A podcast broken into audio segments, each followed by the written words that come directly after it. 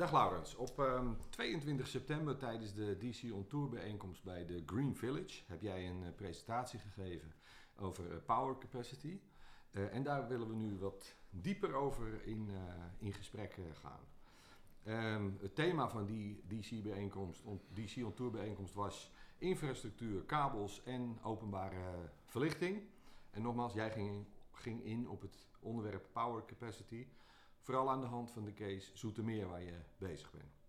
In de laatste sheet die jij daar liet zien, had je, waren je conclusies. Eh, daar had je het over, eh, heb je drie dingen genoemd. Dus aan de hand daarvan zou ik graag het gesprek in willen gaan. Het eerste was beter gebruik van de huidige infra. Het tweede was eh, het toenemen van de capaciteit van het, van het netwerk. En het derde was EV-laden aan de lantaarnpalen. Dat waren je drie conclusies aan de hand waar je je presentatie had opgebouwd. Ik denk ik begin bij de conclusies en dan gaan we dan, gaan we dan weer terug en daar wat, eh, wat dieper op in. Ehm, het hele, voordat we daaraan beginnen, wat was jouw gedachte toen je aan dat project begon bij eh Zoetermeer? Wat was, wat was de, de aanname? Ehm, nou, helemaal in het begin ehm, eh, kwam dus de, de gemeente ja, met, met de vraag van... oké, we hebben hier een openbaar verlichtingsnet en eh, wat moeten we ermee? En, en eh, Wat was toen aan vervanging?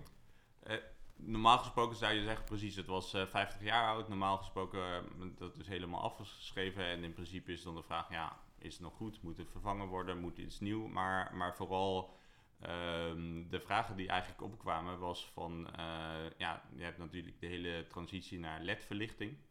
En eh, dus dat, dat moet allemaal gebeuren. En, dan en dan is de vraag, ja, als je dat doet, ja, zijn er nog meer dingen die er moeten? En eh, deze kwam daar natuurlijk als vraag op eh, duiken, want eh, LED-verlichting is natuurlijk gelijkspanning intern. En dan kun je natuurlijk ja, die gelijkspanning in elke lantaarnpaal maken of één keer en dan gewoon alles met een op de kabel met gelijkspanning werken. En de andere vraag eh, die de gemeente had was, was eh, eh, in het kader van de energietransitie. kan er nog meer met die infrastructuur? En ehm, daar hebben we des- destijds, dat is nu al vier jaar geleden, hebben we ook samen met CityTech en, en de, Stichting Gelijkspanning Nederland eh, hebben daar ehm, ehm, zijn we begonnen daarna te kijken van wat kan er met die kabels. En dan, dan vooral, vooral ook kijken naar hoe ziet het er concreet uit, eh, zo'n eh, openbaar verlichtingsnet. En eh, in het geval van Zoetermeer is dat dus een, een apart openbaar verlichtingsnet, wat onafhankelijk is van het distributienet, wat een eigendom is van de gemeente. En ehm, ehm, een interessant aspect daar is ehm, dat, dat ook dit net een vermaaste structuur heeft. Eh, wel radiaal bedreven wordt, maar in principe eh, komen de meeste kabels uiteindelijk ergens waar eh, in een kast terecht. samen met andere kabels. Ja, want dat is het radiaal gedrevene. U- uiteindelijk, precies, als je het radiaal hebt, dan heb je gewoon, ehm, precies, dus de, eh, radiaal betekent dat je van één punt uitgaat, Ja. eh, eh, net zoals een boom, zeg maar, Ja. takjes die ergens eindigen. Ja. En als je een vermaaste structuur heeft, hebt, dan betekent dat het uiteinde van die weer ergens in een kost samenkomt met andere kabels. Eigenlijk dus een spinnenweb aan twee aansluitpunten, zeg maar. Precies, en niet, niet per se alleen maar op, met twee aansluitpunten, maar het kunnen heel veel zijn dat je, dat je echt een Hm. vermaast net hebt, helemaal allemaal met elkaar verbonden. Eh, maar eh, dat is wel zo opgebouwd, maar in AC-geval wordt het radiaal bedreven. Dus die kabels die komen ergens eh, uiteindelijk in een kast terecht, maar daar eh, zijn ze niet eh, verbonden elektrisch. Hm. Dus de energie komt nog altijd alleen van één kant. En Ja. dus eigenlijk is het, wordt het, het vermaast net bedreven als een radiaal net. Ja. Waarom is dat ooit zo aangelegd? Ehm, de reden daarvoor is ehm, heel simpel. Ehm, het, het gaat gewoon eh, om de snelheid, hoe snel je de openbare verlichting weer op orde kunt brengen als er iets misgaat. Dus als er een bagger komt en, en die ergens de straat open gaat en die kabel, kabel, gaat stuk, Ja. eh, dan kun je dus eh, gewoon die kabel even uiteindelijk isoleren en dan ga je die het achter eh, het ehm, eh, ene gedeelte kun je gewoon weer aanzetten en dan het tweede gedeelte ga je dan van de andere kant aansluiten Hm. en, en dan zeg maar terugvoeden. Hm. En dat kun je heel snel doen eh, binnen een eh, half uurtje of zo. Ja. En dan eh, kun je dus diezelfde dag weer eh, licht hebben in je, in je, eh, in je woonwijk. Maar in feite dus eh, een hele dure oplossing qua materiaalgebruik om de zekerheid te kunnen garanderen. Eh, het is niet zo heel erg duur, want uiteindelijk, als je kijkt, die kabels, ja, mm, eh, als je in een bebouwd gebied bent, ja, die kabel die gaat ergens naartoe, maar ja, om dan een paar kabels uiteindelijk weer samen te voegen, heb je nog een paar metertjes nodig. Ja. Het is wel een investering om dat te kunnen doen. eh, maar juist in, in echt bebouwde gebieden is het niet zoveel extra kabel om dat te doen.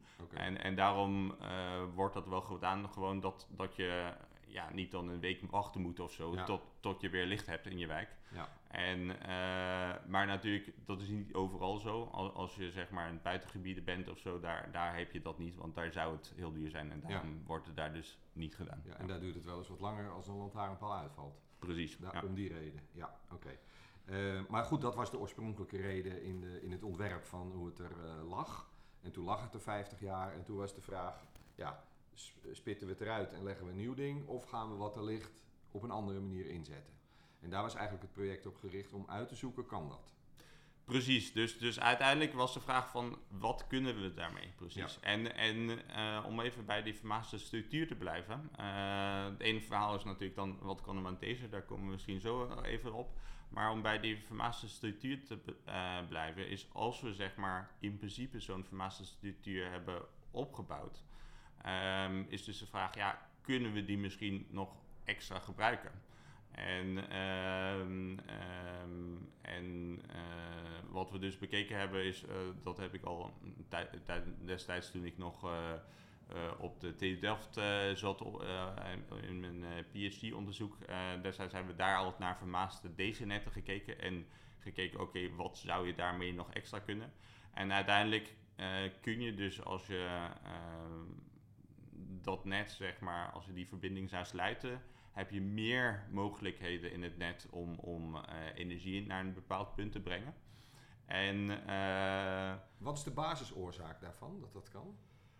ehm, uiteindelijk ehm, heb je niet alleen één weg, eh, één, één kabel, gewoon één pad, maar er zijn meer manieren om naar dezelfde ehm, eh, locatie te komen. Dus als je op één plek meer energiebehoefte hebt, dan, dan kun je dus over meer eh, kabels naar diezelfde plek komen. En eh, Waardoor het totale vermogen toeneemt. potentieel toeneemt, precies. Dus in principe zou je kunnen zeggen, als je die kabel van twee kanten kunt eh, voeden, dan kun je dus dubbel zoveel vermogen in principe op die kabel zetten. Ehm, in de praktijk, als je het gewoon alleen maar vermaast, is dat wel beperkt, want eh je hebt nog altijd eh, gewoon de ehm, wet van Ohm, zeg maar, die bepaalt waar hoeveel stroom in een, eh, in een elektriciteits... eh, Ja.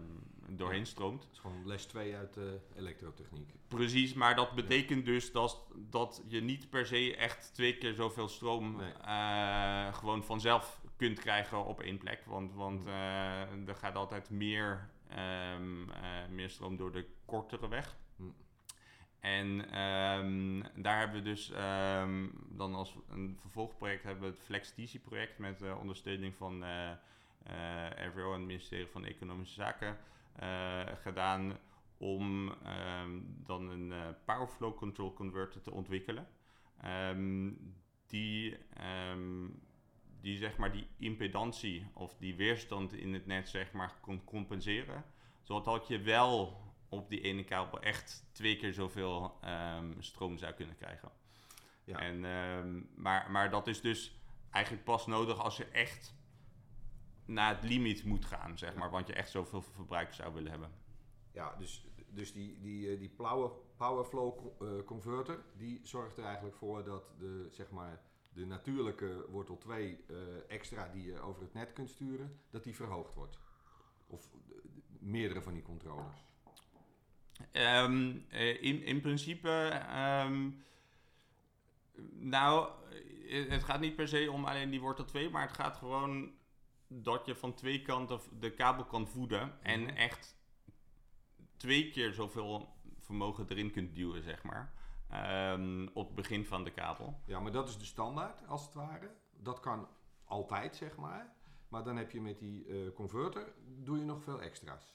Ehm, nee, du- dus eigenlijk met die converter zorgen we ervoor dat we echt op de andere kant ook zoveel krijgen. Want normaal gesproken zou je dus niet evenveel vermogen van de andere kant van de kabel krijgen. Want, want die spanning is een beetje Ja. lager. En, en dan gaat dus misschien eh, twee derde van de stroom door de ene kant en een derde van de andere. Maar dat betekent dus dat je eigenlijk 50% eh, eh, of, of zeg maar een, een, een derde eigenlijk meer zou kunnen hebben dan wat je dan hebt. Ja. Maar wat je, je, je zei in die presentatie dat je daardoor controle van de, de impedantie kreeg. Eh, maar is het controle of is het sturen? Wat, wat, wat, wat, wat, is het precies? Ehm, in, er zijn verschillende manieren hoe je erover kunt denken. Eh, in principe eh, kun je die converter zo instellen dat hij gewoon zeg maar een negatieve impedantie maakt. Dus dat hij gewoon die weerstand van die kabel gewoon ja, ongedaan maakt. Maar hoe werkt dat? In principe kun je gewoon meten hoeveel stroom er door die kabel gaat. ja? En dan zeg je, oké, en dan eh, weet je, oké, die s- kabel die zal zoveel weerstand hebben, dus er zal zo'n spanningsval komen. En dan ga je met die converter ehm, het negatieve daarvan eh, ehm, ehm, invoegen. Mhm. Eh, en daardoor kun je dus dan zeg maar gewoon zeg maar een kabel maken die eh, naar buiten zoals uitziet alsof die geen weerstand heeft. Ja, ik begrijp het nog niet helemaal, want die, die weerstand die je meet is een soort natuurkundige eigenschap van die kabel. Hoe los je die dan? Hoe, want het, het klinkt als een soort tegengif. In principe, die weerstand die blijft, er, blijft er gewoon. Ja, Maar je, je maakt zeg maar de spanning een beetje hoger, ja, zodat je die ja, ja. spanningsval zeg maar compenseren kunt. ja, dus het is niet echt... Die, Nee, Die weerstand die blijft er wel, dat wou ik zeggen, ja precies. maar eh, je maakt de spanningsval zoveel hoger dat, Ja. dat die effect van die spanningsval naar buiten niet meer zichtbaar is. Ja. Natuurlijk wel, je hebt nog altijd verliezen, Ja. eh, die gaan niet weg. Maar ehm, daardoor kun je dus wel uiteindelijk ehm, de stroom in een kabel controleren. Ja. Ik, moet de- ik, moet, ik weet niet of die vergelijking klopt, maar ik gooi hem er toch in. Ik moet denken aan eh, als je een polderlandschap hebt met allemaal slootjes. Hè, dan, dan stroomt het water ook vanzelf naar de, naar de laatste plek in feite. En dan kun je tussendoor kun je pompen neerzetten om die stroomsnelheid te verhogen. Is, is het hetzelfde idee?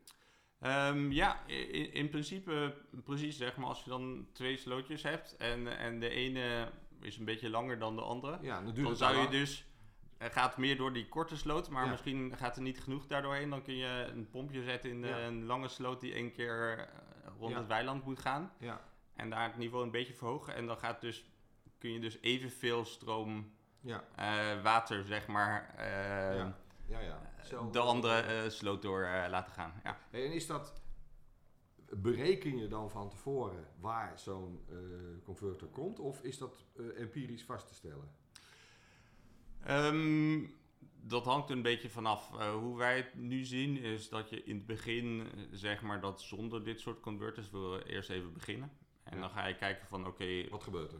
wat gebeurt er en waar zou je echt eh, meer vermogen willen hebben op één locatie. En, en ehm, ik, ik denk dat als we, eh, misschien daar komen we zo nog even van, wat willen we dan allemaal met dat vermogen gaan doen. Eh, maar maar ehm, ik denk dat je dus eerst begint en dan als dat vermogen tijdens de energietransitie meer wordt, ehm, dat je dan zeg maar stap voor stap eh, kunt kijken, oké, ja, nu is het misschien interessant om zo'n Powerflow convert- converter daar nog te plaatsen, zodat we dus eh, echt dat mogelijk kunnen maken. Dat eh, vraagt natuurlijk wel dat je een soort congestion management hebt. zodat je niet over die limietjes gaat. En, en dat is denk ik in het algemeen ook een heel belangrijk punt.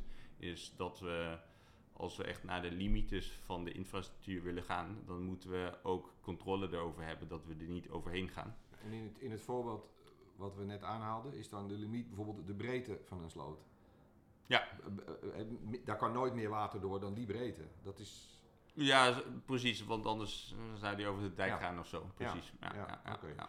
ehm, Maar des te dichter je bij het randje zit, zeg maar, des te preciezer wil je controleren dat je er niet overheen gaat. ja. En eh, als je daar geen controle over hebt, dan wil je liever een, eh, nog een meter eh eronder Ja. blijven. Want anders, eh, ja, je weet maar nooit. En hoe, hoe komt het dat je dat voor een deel proefondervindelijk moet vaststellen en niet kunt berekenen? Is dat, is dat gewoon nog een stukje onbekendheid in hoe het werkt? Of? Ehm, nou, in principe ehm, kun je het prima berekenen als je aannames maakt van wat er gebruikt gaat worden. Maar eh, we, we weten natuurlijk niet precies eh, ehm, wie hoeveel eh, elektriciteit gaat vragen eh, in de toekomst en wanneer precies. Ja. Eh, dus, dus uiteindelijk, en misschien als we het even over hebben van wat zouden we met die, met die openbare verlichtingsnetten kunnen doen, is, is wat we dus gezien hebben dat we dus elektrische auto's kunnen laten. Ja. En dan is dus gewoon de vraag van in die woonwijk of je in die straat. hint, dat is je tweede hint al om die kant op te gaan. Dus laten we dat Ja, doen, nou, de, de, vraag is, Ja. de vraag is wie krijgt Ja. wanneer een elektrische auto. En, Ja. en dat weet je natuurlijk niet precies van tevoren. Kun je wel schatting over maken. Maar wat er dan precies gebeurt, Nee. weet je niet. Maar uiteindelijk, als iedereen in die straat een elektrische auto hebt, misschien moet je dan wel die eh power flow control converter hebben. Maar dat kan dus of in drie jaar of in vijf Ja. jaar gebeuren. Ja, en dan wil je liever nog even wachten om te zien, is Ja. het daar echt nodig? Of, Dus je, ehm, kunt ja. wel, dus je kunt wel aannames doen over het toekomstige gebruik, maar het echte gebruik zal anders zijn. En dat maakt dat je dan weet welke converters je echt nodig hebt. Precies, ja. ja. Eh, En op welke plek en eh, noem maar op. Oké, dat snap ik. Ja, dus dat is het eerste punt, hè? het beter gebruik maken van de huidige, van de huidige infra. Eh, en uit het onderzoek kwam, je kunt die draadjes die in de grond liggen nog wel een rondje laten doen als je ze anders inzet. Dat was de conclusie. Ehm, ja, dat, dat is een. eh, dat over die kabels, daar heeft Citytech naar gekeken. En die hebben metingen gedaan naar die kabels, hoeveel, hoeveel ehm, eh, lekstroom er is en, en dat soort dingen. En het blijkt dat die kabels nog wel best goed zijn. Ja. Eh, maar uiteindelijk is het natuurlijk, weet je natuurlijk niet precies hoe lang die nog meegaan. Maar ze zitten er al. Dus het Ja. kost ook niet veel extra om die nog even mee te laten gaan. En of het dan 10 jaar, 20 jaar of nog eens 50 jaar is. Ja. Ehm, Dat is onbekend. Zo, eh, dat, ja, maar precies. Maar als je, als je nu nieuwe kabels doet, dan heb je nu sowieso de kosten. Ja. En eh, of, Ja. of je nou in 20 jaar nog die kosten hebt of in 50 jaar, maakt ook niet zoveel uit. Dus het is altijd beter dan, dan nu al die kosten te hebben. Ja. Wat verwacht jij? Want zonder dat je dat kan, helemaal misschien kan onderbouwen. Maar wat verwacht jij? Hoe lang kan dat? Ehm, eh, het hangt eh, heel erg vanaf van wat voor eh, type kabel het is. Ehm, eh, dus, ehm, maar als, als je ook naar de praktijk kijkt, je hebt nu nog heel veel kabels die zijn al misschien 100 jaar oud, ergens in de binnensteden van Amsterdam of zo. Ze slijten En- toch eigenlijk niet als ze daar liggen? Als het goed komt, niet. Eh, dus het kan wel. Eh, het kan natuurlijk wel. Dus ehm, uiteindelijk moet je dan gewoon van geval naar geval eh, bekijken. Maar En- dan kom je meer op de zwakke plekken te- te- terecht. Verbindingen, Ja. waar het nat is. eh, Eh, Wat dus eh Citytech ehm, en eh, wat zij dus gezien hebben, is dus dat het vooral de moffen zijn waar je eh, vaak problemen krijgt. Dus niet eigenlijk de kabel zelf, maar waar eh, een andere kabel aangesloten wordt. Ja. En ehm, dus zij hebben een paar projecten gedaan waar ze dus dan specifiek gewoon gekeken hebben, oké, we, ze hebben die kabel gemeten en dan hebben we gezien, oké, er zijn een paar problemen en dan hebben ze die aansluiting, die moffen zeg maar, vervangen. Ja. En, en dan eh, hebben ze gezien, oké, die kabel die kan eh, nog prima mee.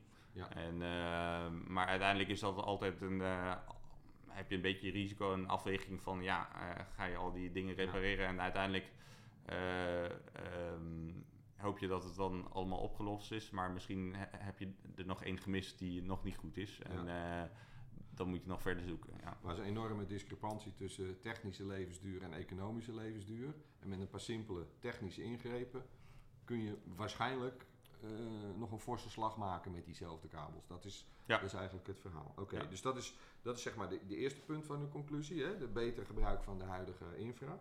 Het tweede punt is, wat, eh, de- dus die capaciteit neemt toe. Dat hebben we ook al eh, aangeraakt.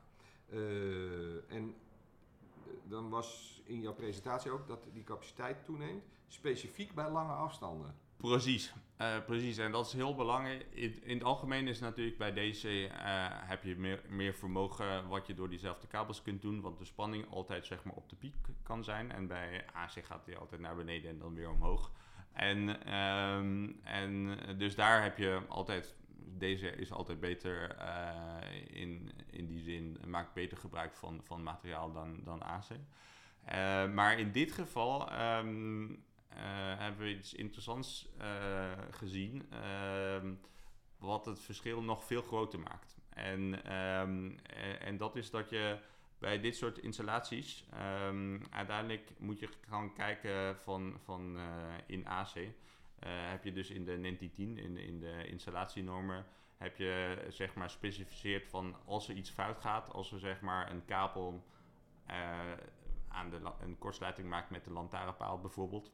eh, dan is er vastgelegd van hoe lang mag het duren totdat de zekering eruit vliegt en het niet meer gevaarlijk is voor mensen. En, ehm, en die tijd is vastgelegd op 400 milliseconden. Eh, dus als er iets fout gaat en die kabel aan, aan de lantaarnpaal komt, dan mag het maximaal ehm, eh, 400 milliseconden duren totdat eh, de spanning van die, van die lantaarnpaal eraf is, doordat de zekering dus eruit vliegt. En ehm, nu is het zo dat in, in Azië heb je bij die lange kabels, eh, zeg maar zo, ehm, uiteindelijk voor openbare verlichting heb je kilometers aan straten die wil, wil je overal lantaarnpalen neerzetten. Dus eigenlijk wil je zo liefst mogelijk hele lange kabels doen, dat je niet zoveel aansluitpunten moet doen. Eh, maar uiteindelijk, eh, praktisch, ehm, zijn die kabels meestal zo rond de 500 meter lang. Want, want wat blijkt is dat je, dus als je zo'n lange kabel hebt, uiteindelijk is het, krijg je veel ehm, inductiviteit in die kabels. En daardoor krijg je in AC bij een kortsluiting krijg je vrij weinig kortsluitstroom. Dus ehm, ehm, wat ze eh, dus moesten doen toen ze die kabels, a- als, je, als je die kabels aanlegt in een AC-net, is dat je eigenlijk een veel dikkere kabel moet nemen dan er eigenlijk nodig zou zijn voor die stroom die je nodig hebt. Want eh, openbare verlichting heeft niet veel elektriciteit nodig.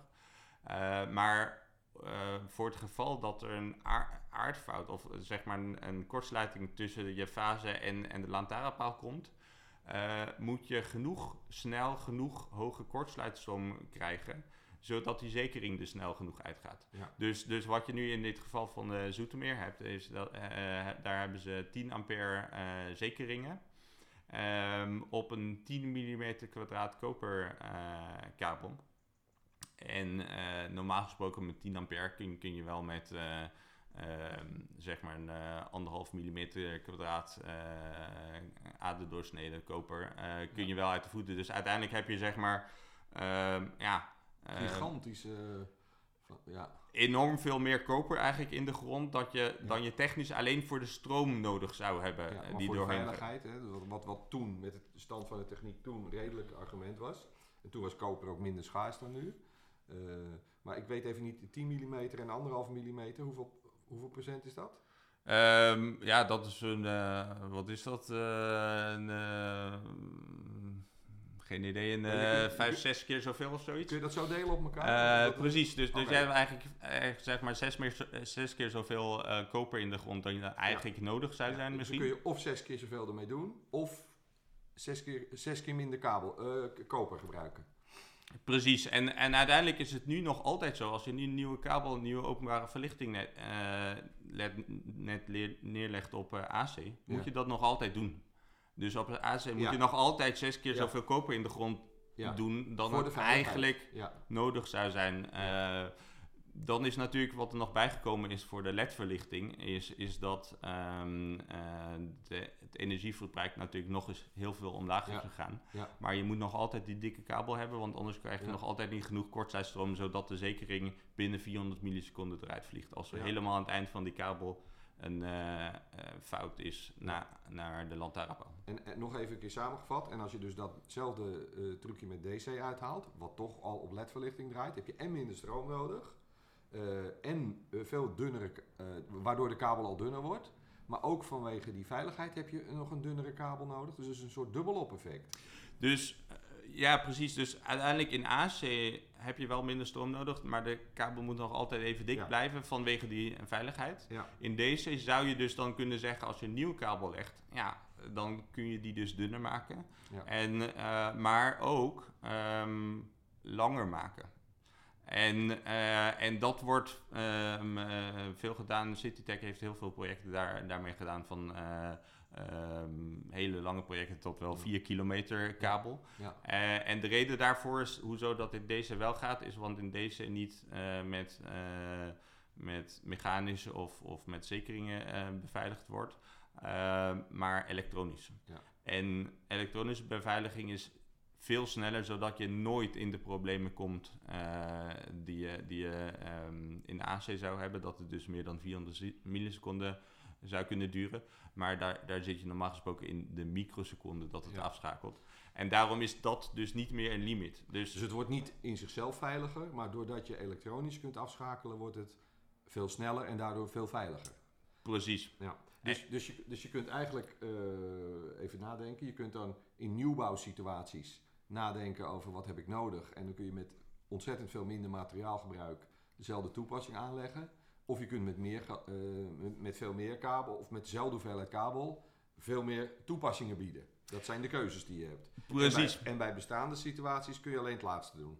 Precies, en, en dus dat hebben we dus in, de, ehm, in die case study voor de gemeente Zoetermeer gedaan. Dat we gewoon Ja. gekeken hebben met die kabels die in de grond zitten. Dat zijn dus die 10 Ja. mm kwadraat koperkabels. Ja. Eh, en daar kun je dus ehm, gewoon in plaats van 10 ampère kun je daar dus gewoon eh, zeg maar een, eh, 63 ampère of 80 ampère eh, doorheen laten. Ja. En, eh, en dat is gewoon gigantisch veel meer. En, en eh, ehm, dus, dus zo krijg je dus in dit geval ehm, tot, tot wel tien keer zoveel vermogen die je op, Ja. met deze op die kabel kunt doen. Nog los van het feit dat die kabels nu overdag niks staan te doen als het licht is. Dat, dat is ook zo, maar Ja. uiteindelijk is het energieverbruik van die LED-verlichting zo weinig vergeleken met wat er kan. Ja. Ja. Dat, eh, Dat is maakt eigenlijk helemaal niks meer uit. Nee, dan praat je over een paar procent eigenlijk van het, eh, van het, van het gebruik van het maximale vermogen van die... eh, Precies, precies. Dus, Ja. dus dat, is, dat is echt ehm, precies. En, en dus eigenlijk gaat het hier om infrastructuur, om kabels die al in de grond liggen. Ja. En eh, die dus nu gewoon bijna niet gebruikt worden. En, en eh, ehm, waar we dus echt heel veel vermogen in die straat krijgen. En, en wat we dus bekeken hebben is, is in, dit geval kun je dus, dus op zo'n kabel, ja, zo'n... eh, ehm, als je dan ook van twee kanten gaat voeden tot wel eh 90 kilowatt aan vermogen op zo'n kabel eh, krijgen. Ja.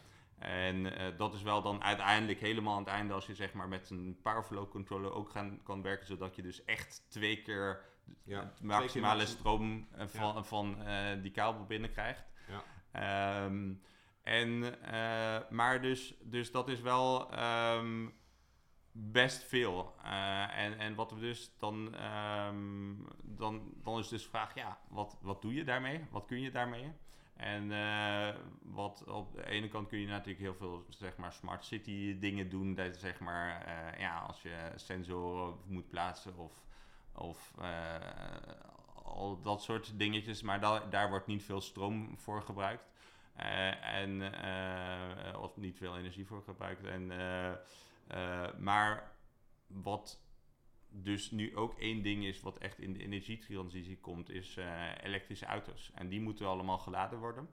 En ehm, als je kijkt waar lantaarnpalen eh staan, die staan precies in een woonwijk naast de parkeerplekken.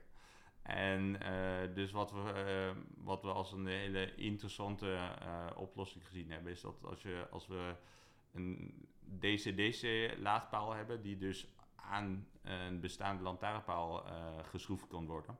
En op dat bestaande net kan aangesloten worden. Dat dus, dus gewoon een hele woonwijk met elektrische laadpunten kan verzorgen. En eh, in praktisch geval, als je, uh, is even goed om het praktisch te zien, als je dus lantaarnpalen aan één kant van de straat hebt. Het is altijd een beetje verschillend per woonwijk, maar als je dus aan één kant van de straat lantaarnpalen hebt en dan uh, parallel parkeert, dan kun je dus, die lantaarnpalen zijn normaal gesproken alle 25 meter of zo. Ehm, dan heb je, heb je eigenlijk kun je dus per lantaarnpaal twee auto's opladen. En dan heb je twee parkeerplekken waar je niet naast de lantaarnpaal staat. En dan weer twee die aan de volgende lantaarnpaal hangen. Dus eigenlijk kun je dan uh, tot 50% van de parkeerplaatsen elektrificeren. Ja. En, en dat, is, dat is wel... Um, en ook nog in een groeimodel. Ja. Want je hoeft dat niet in één keer te doen. Je kan per lantaarnpaal uh, besluiten... Uh, ik plug dat eraan, zeg maar. Precies, dus in, en het interessante hierbij is dat je ook als je naar de kosten kijkt, wat, wat heel duur is, op de ene kant hebben we gewoon gesproken over die kabel. Ja, die, als je die niet moet vervangen, dat scheelt, scheelt materiaal en, en koper. maar uiteindelijk, wat ook heel duur is, is gewoon het werk en de hele straat open doen en dan weer een nieuwe straat dicht doen en zo. En dus wat je in dit geval dus zou kunnen doen, is dat je gewoon ja, dat net omzet op DC. Dan moet je wel aan het begin en aan het einde AC-DC-converters neerzetten. of zeg maar tenminste aan, aan het begin, in het begin. En um, precies, en als je dat voorbereidt, um, dan, dan kun je daarna dus stuk voor stuk kijken uh, als de meer elektrische auto's in die woonwijk komen. Stuk voor stuk meer laadpalen aan die lantaarnpaal schroeven. En je hoeft dus niet onder de grond iets te veranderen. Ja. En die laadkastjes, die laad, uh, uh, zeg maar, bestaan die al? Um, die zijn er nog niet. Uh, tot nu toe heb je um, DC-laders, daar heb je vooral fast chargers. En, en uh, eigenlijk waar je het mee moet vergelijken zijn de DC wallboxes die je voor thuis hebt om sneller thuis op te laden. Maar die hebben um, uh, wisselspanningsingang. Ja. Want uh, tot nu zijn er nog niet zoveel DC-netten. Nee. Ehm, dus dus wij, daarom zijn wij ermee begonnen om, om dus een DC-DC-lader te ontwikkelen die zowel DC aan de uitgang heeft, maar ook de ingang aan de autokant. deze is. Ja. ja. Er zijn wel ook andere bedrijven die hiermee al, uh, die al aan het ontwikkelen zijn om, om dus ja. op een DC-net uh, uh, elektrische auto's te kunnen laden. Ja. Dus dat is, maar dat is iets wat, wat nu nieuw komt. Ja. want dan heb je het niet per se over fast charging.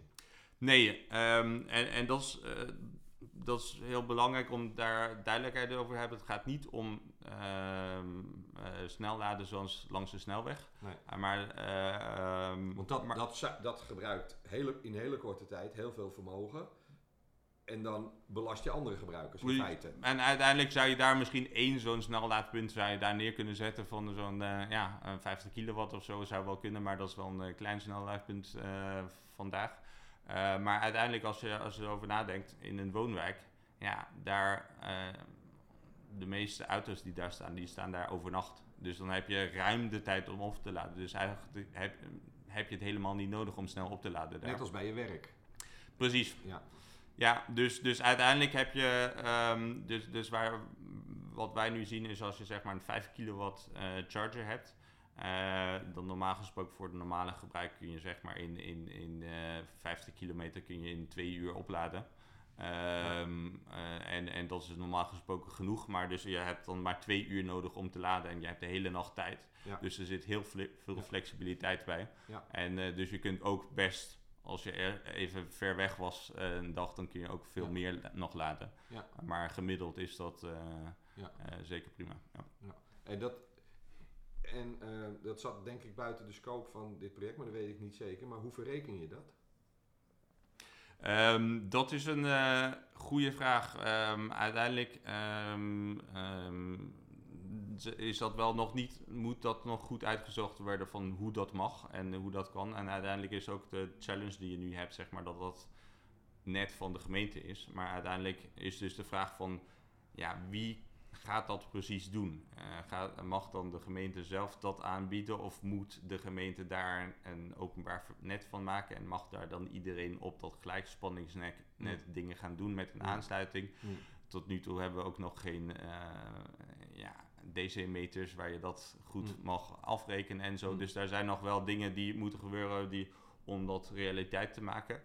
Uh, maar ehm, dus wat we in het begin gewoon eerst even bekeken hebben van technisch, is het gewoon Ja. heel erg interessant voor de energietransitie. En er zijn zeg maar een 40% van de openbare verlichtingsnetten in Nederland zijn op deze manier gebouwd. Dat is gewoon aparte netten zijn die onafhankelijk van het eh AC-distributienet zijn. vooral gemeentelijk, hè, geloof ik.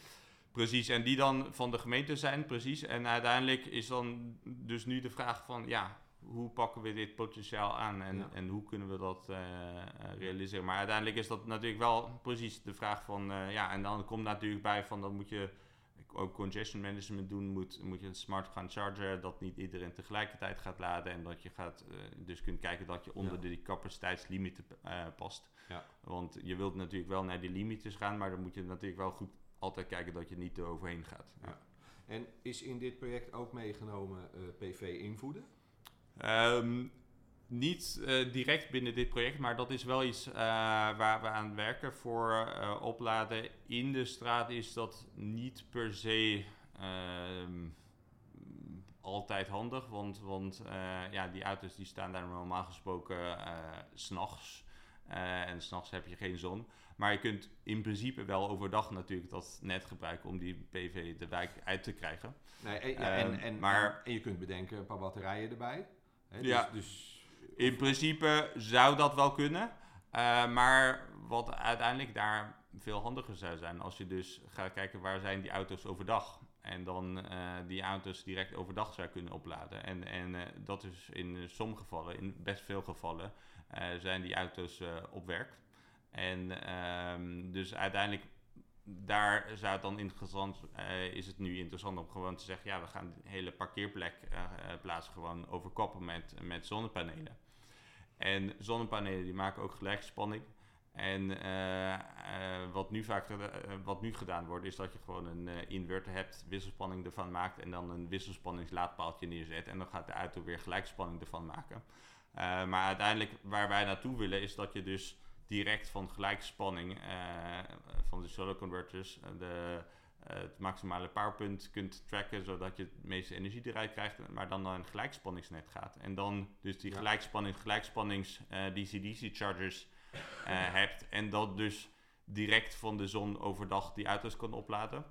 Ehm, en dan ook, dat is het meest efficiënte, hoe je het ook went of keert. Hè? Dan, uiteindelijk is dat ja, het meest efficiënte, want dan ja, kun je direct de auto in, eh, instappen. Als je eerst naar een andere batterij gaat Ja. en dan, dan weer uit die batterij eruit moet halen, ja, eh, is nog altijd handig om dat in DC te doen, want dan moet je nog niet naar het AC-net gaan en dan weer terug. mhm. Eh, maar je gaat nog altijd naar een andere batterij en dan weer terug. Maar dat kan in sommige gevallen wel handig zijn. ja. Ehm, maar, maar het is beter om direct die auto van de zon op te laden. En, en, en, ehm, en het voordeel daarvan is, en daar zijn we nu heel sterk mee bezig om daar naartoe te werken, is, Hm. is dat je dus die challenges met de regelgeving niet hebt. Want als je gewoon eh, bij jouw werk oplaadt, dan kan je gewoon het bedrijf zeg maar, kan zeggen, hey, we gaan die zonnepanelen daar neerzetten. In het beste geval he- hebben de medewerkers auto van het bedrijf, kan het bedrijf zeggen, hey, we gaan nu elektrische auto's kopen en die gaan allemaal hier op DC laden. En eh, dan heb je daar dus helemaal geen eh, problemen met van wie is nou die laadpaal en wie moet hoeveel betalen en zo. Maar dat zou je gewoon als bedrijf kunnen regelen. Er zijn dan nog wel een beetje vragen van hoe is dat dan met privéritten en dat soort dingen. Maar, Hm. eh, maar in principe om, om zeg maar dat project op te, op te zetten, dat zou gewoon kunnen. Ja. Maar de, jij zegt eigenlijk, de beperkingen eh, om dat te gaan doen zijn niet van technische aard. Die zijn vooral juridisch, financieel. Ehm, we moeten wel nog een beetje technische ontwikkeling doen en, en, en de pro- producten echt eh, commercialiseren en zo. Ja. Maar, maar dat eh, denken we wel dat we dat kunnen. Dus Ja. eh, precies. Ja, ja oké. Ja. Nou, dat lijkt me een hele mooie afsluiting van eh, dit gesprek. Ik wil je hartelijk bedanken voor, eh, voor je uiteenzetting. Graag gedaan. Dankjewel.